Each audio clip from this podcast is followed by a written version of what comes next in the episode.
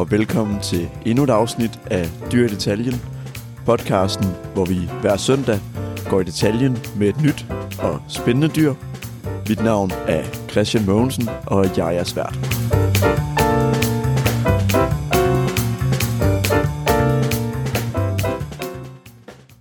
Og som jeg teasede lidt for i slutningen af sidste uges afsnit, så skal vi i dag snakker om et dyr, som man kan finde i ja, stort set alle verdensdele, udover Australien og Antarktisk.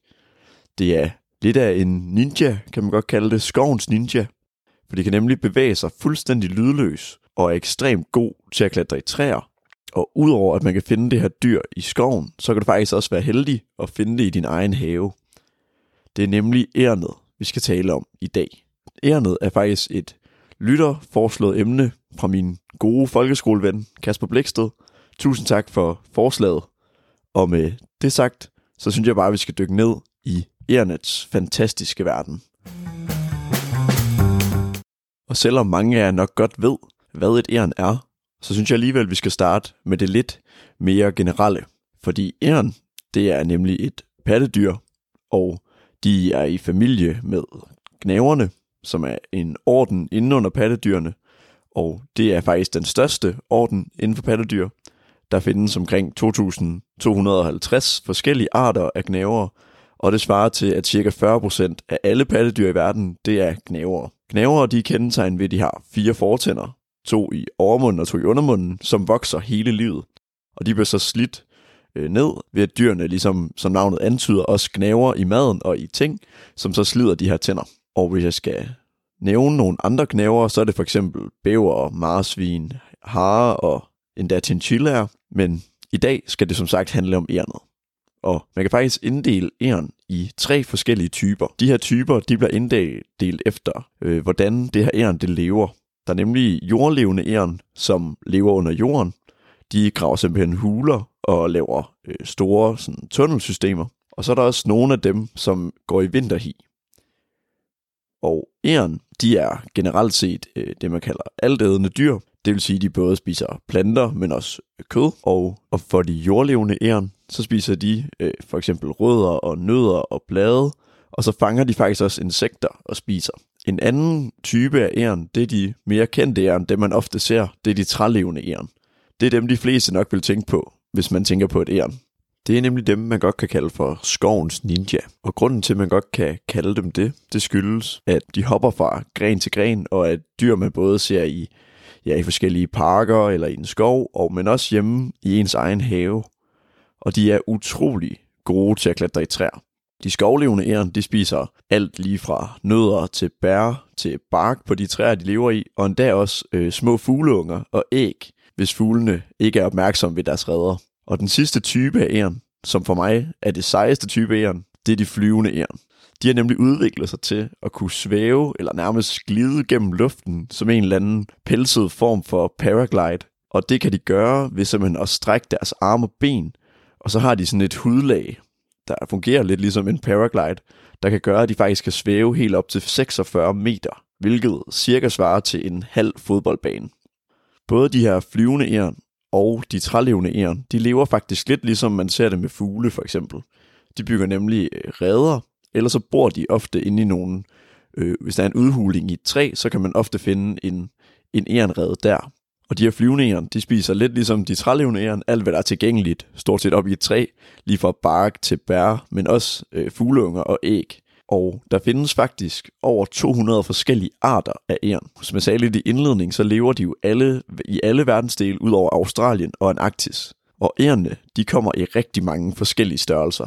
Fra det allerstørste æren, som lever i Indien, som bliver kaldt for det indiske kæmpeæren, det kan blive op til en meter lang fra hale og til hoved.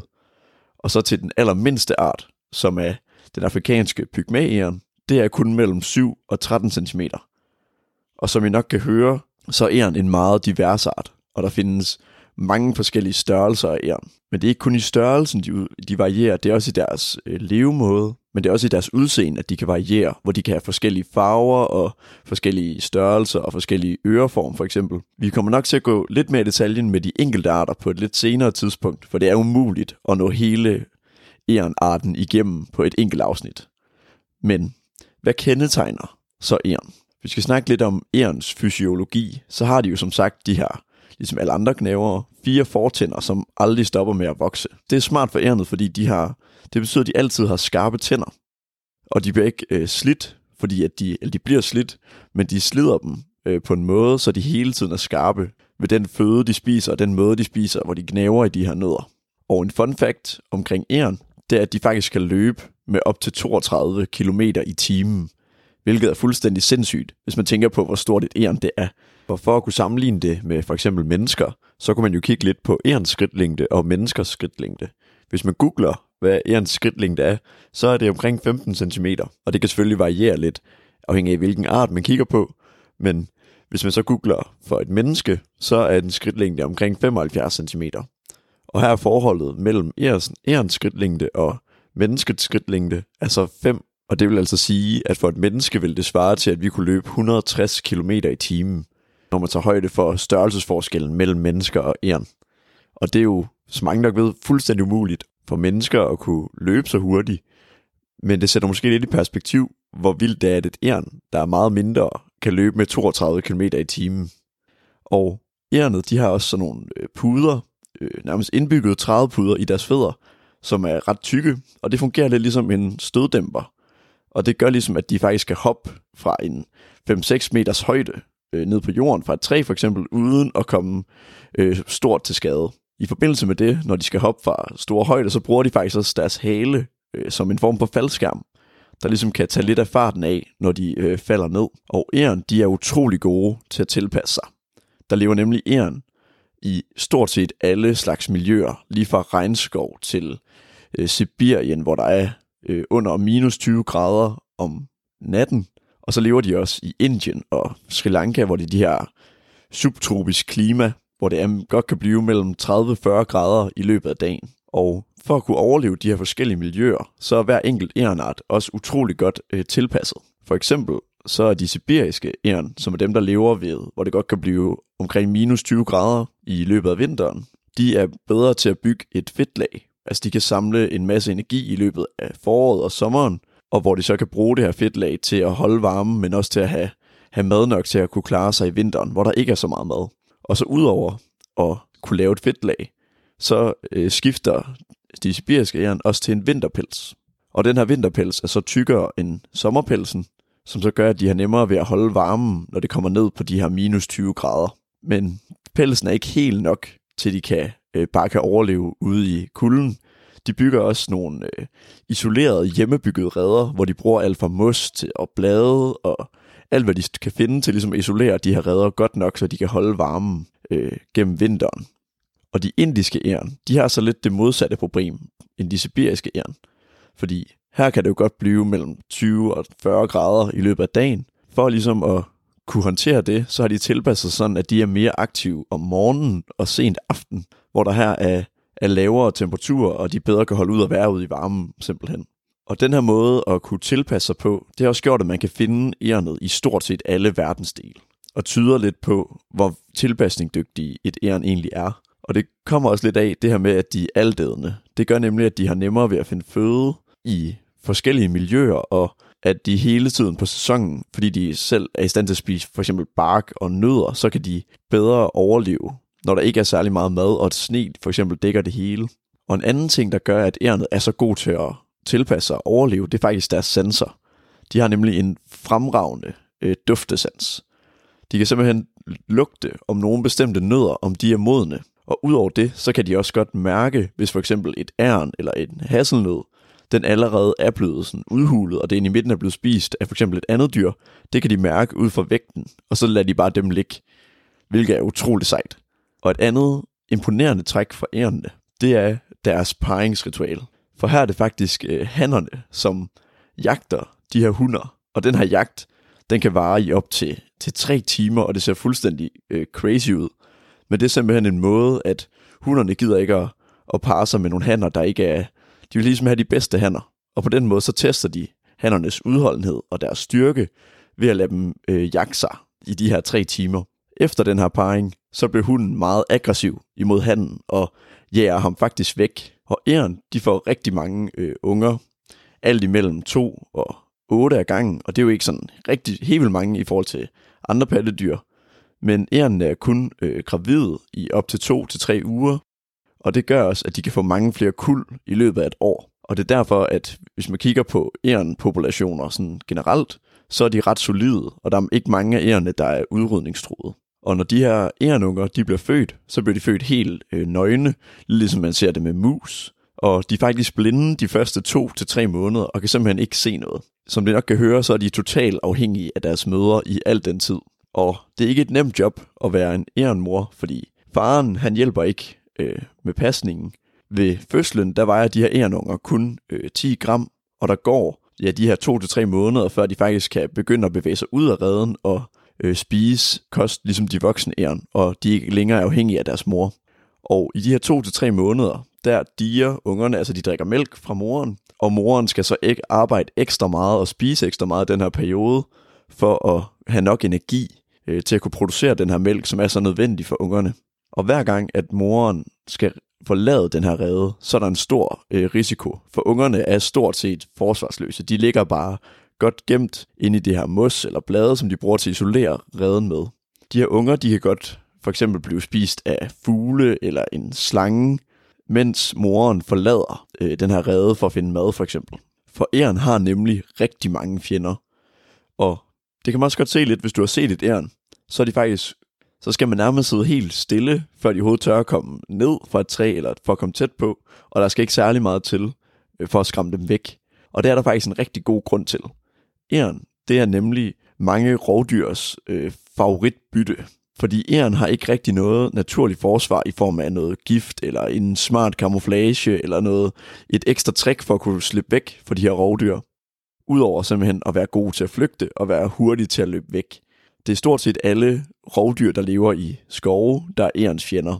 Lige fra duehø til rev til skovmor, og også øh, forskellige slanger, uler eller ja, forskellige ørne.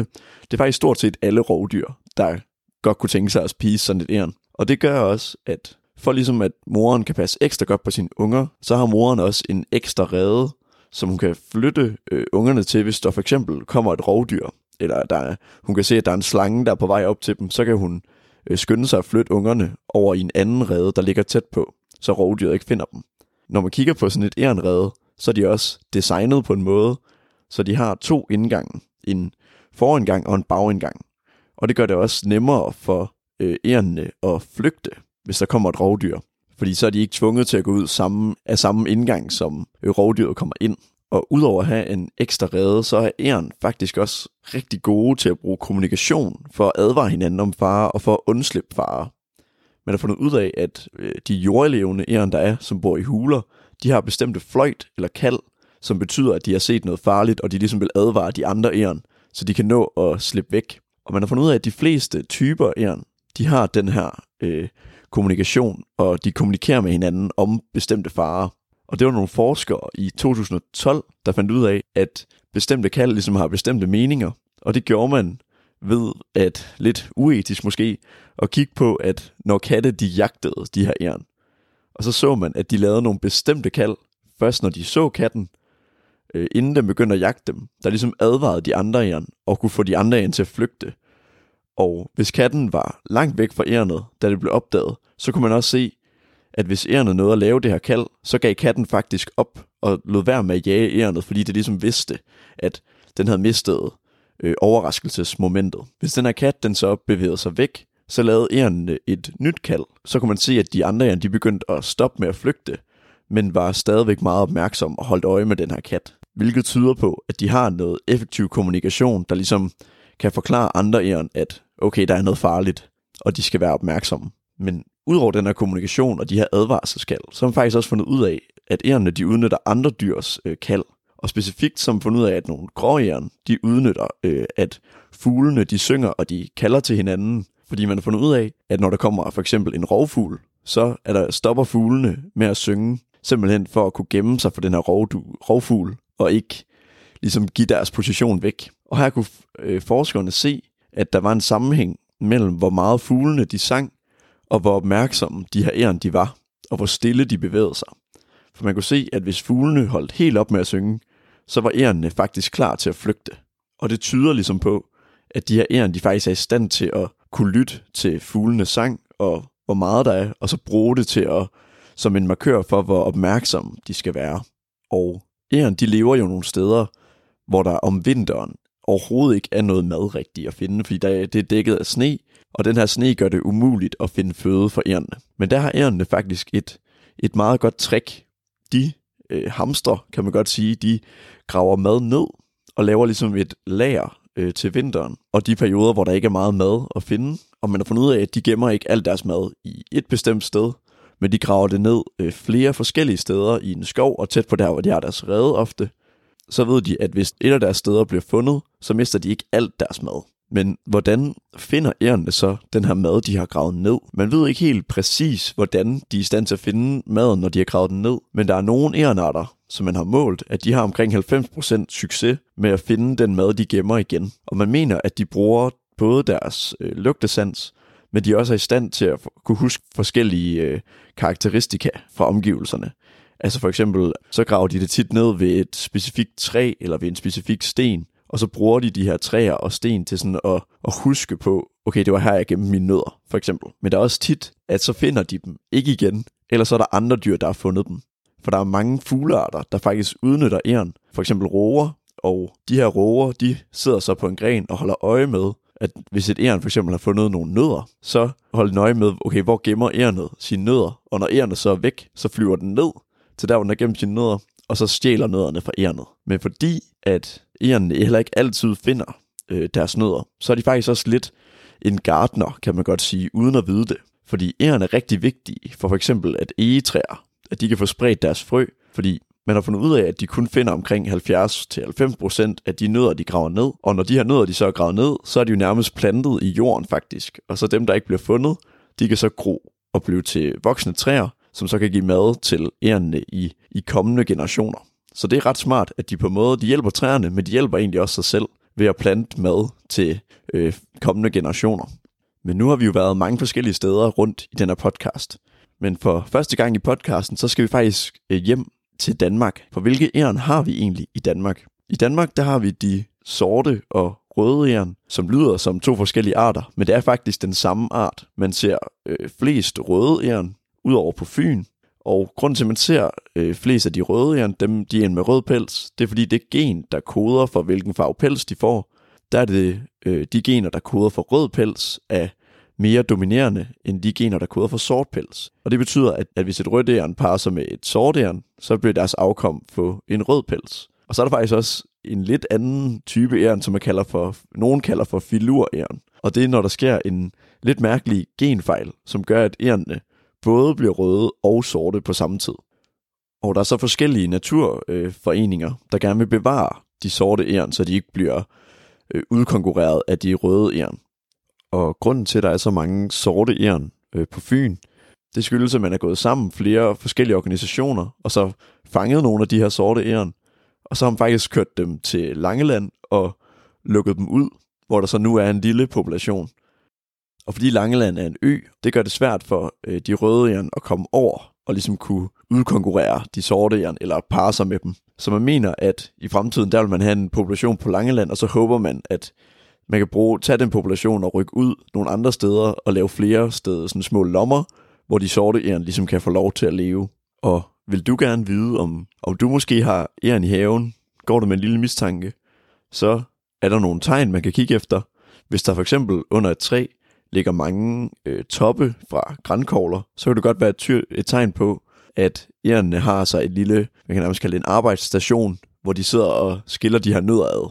Og det er et godt tegn på, at man har æren øh, i, sit ha- i sin have. Og ellers så kan man kigge ved stammen af sine nåletræer for eksempel, og så se om der er en, en rede på størrelse med en badebold derinde nærmest. Fordi hvis man ser sådan en, så er det højst sandsynligt en ærenred. Og hvis du godt kunne tænke dig at have æren i din have, så af bøgetræer, egetræer og nåletræer nogle træer, de er rigtig glade for. Og så kan man også øh, sætte en foderkasse op til ærnene, så de ved, at der er mad. Det er en god måde at tiltrække de her æren på. Men hvis man bor i et villa-kvarter, så kræver det, at der er flere haver, der går sammen og gør deres haver mere ærenvenlige, før at æren vil, vil slå sig ned. Æren kan jo som sagt godt spise nogle af de her småfugle, men hvis man gerne vil undgå det, så kan man sætte sådan nogle mejsekasser op, som er nogle kasser, som fuglene kan lægge deres æg i og få deres unger, og de her kasser, dem går ærerne så ikke i.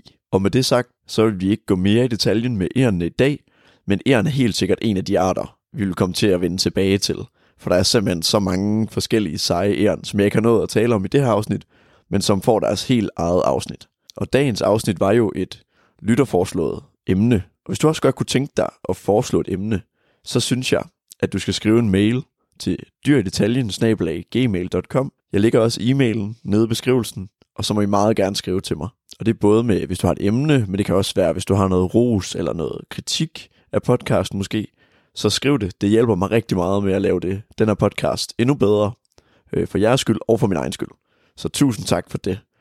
Men jeg skal også lige nå at tease lidt for næste episode. For i anledning af, at det jo er femte afsnit, som er lidt en milepæl for den her podcast, så bryder vi lidt med de vante rammer, hvor vi jo indtil videre kun har snakket om et dyr eller en bestemt art. For i femte episode, der har jeg faktisk lavet en liste over dyr, der nok har de nogle af de vildeste øh, superevner inden for øh, dyreriget.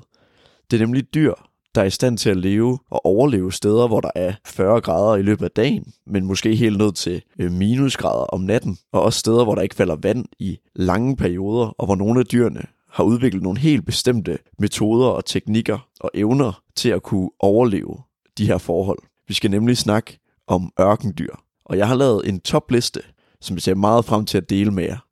Så lyt med i næste episode på næste søndag. Det bliver utrolig godt. Og tusind tak, fordi du lyttede med i dag. Hvis du ikke helt kan vente til næste uge med det helt nye afsnit og mangler lidt mere dyr i din hverdag, så kan du følge Dyr i Detaljen på Instagram, hvor man kommer lidt med bag om podcasten. Vi hedder Dyr i Detaljen, og jeg lægger også et link i episodebeskrivelsen. Og når det er sagt, så er der ikke andet tilbage end at sige tak fordi du lyttede med, og vi lyttes ved i næste uge.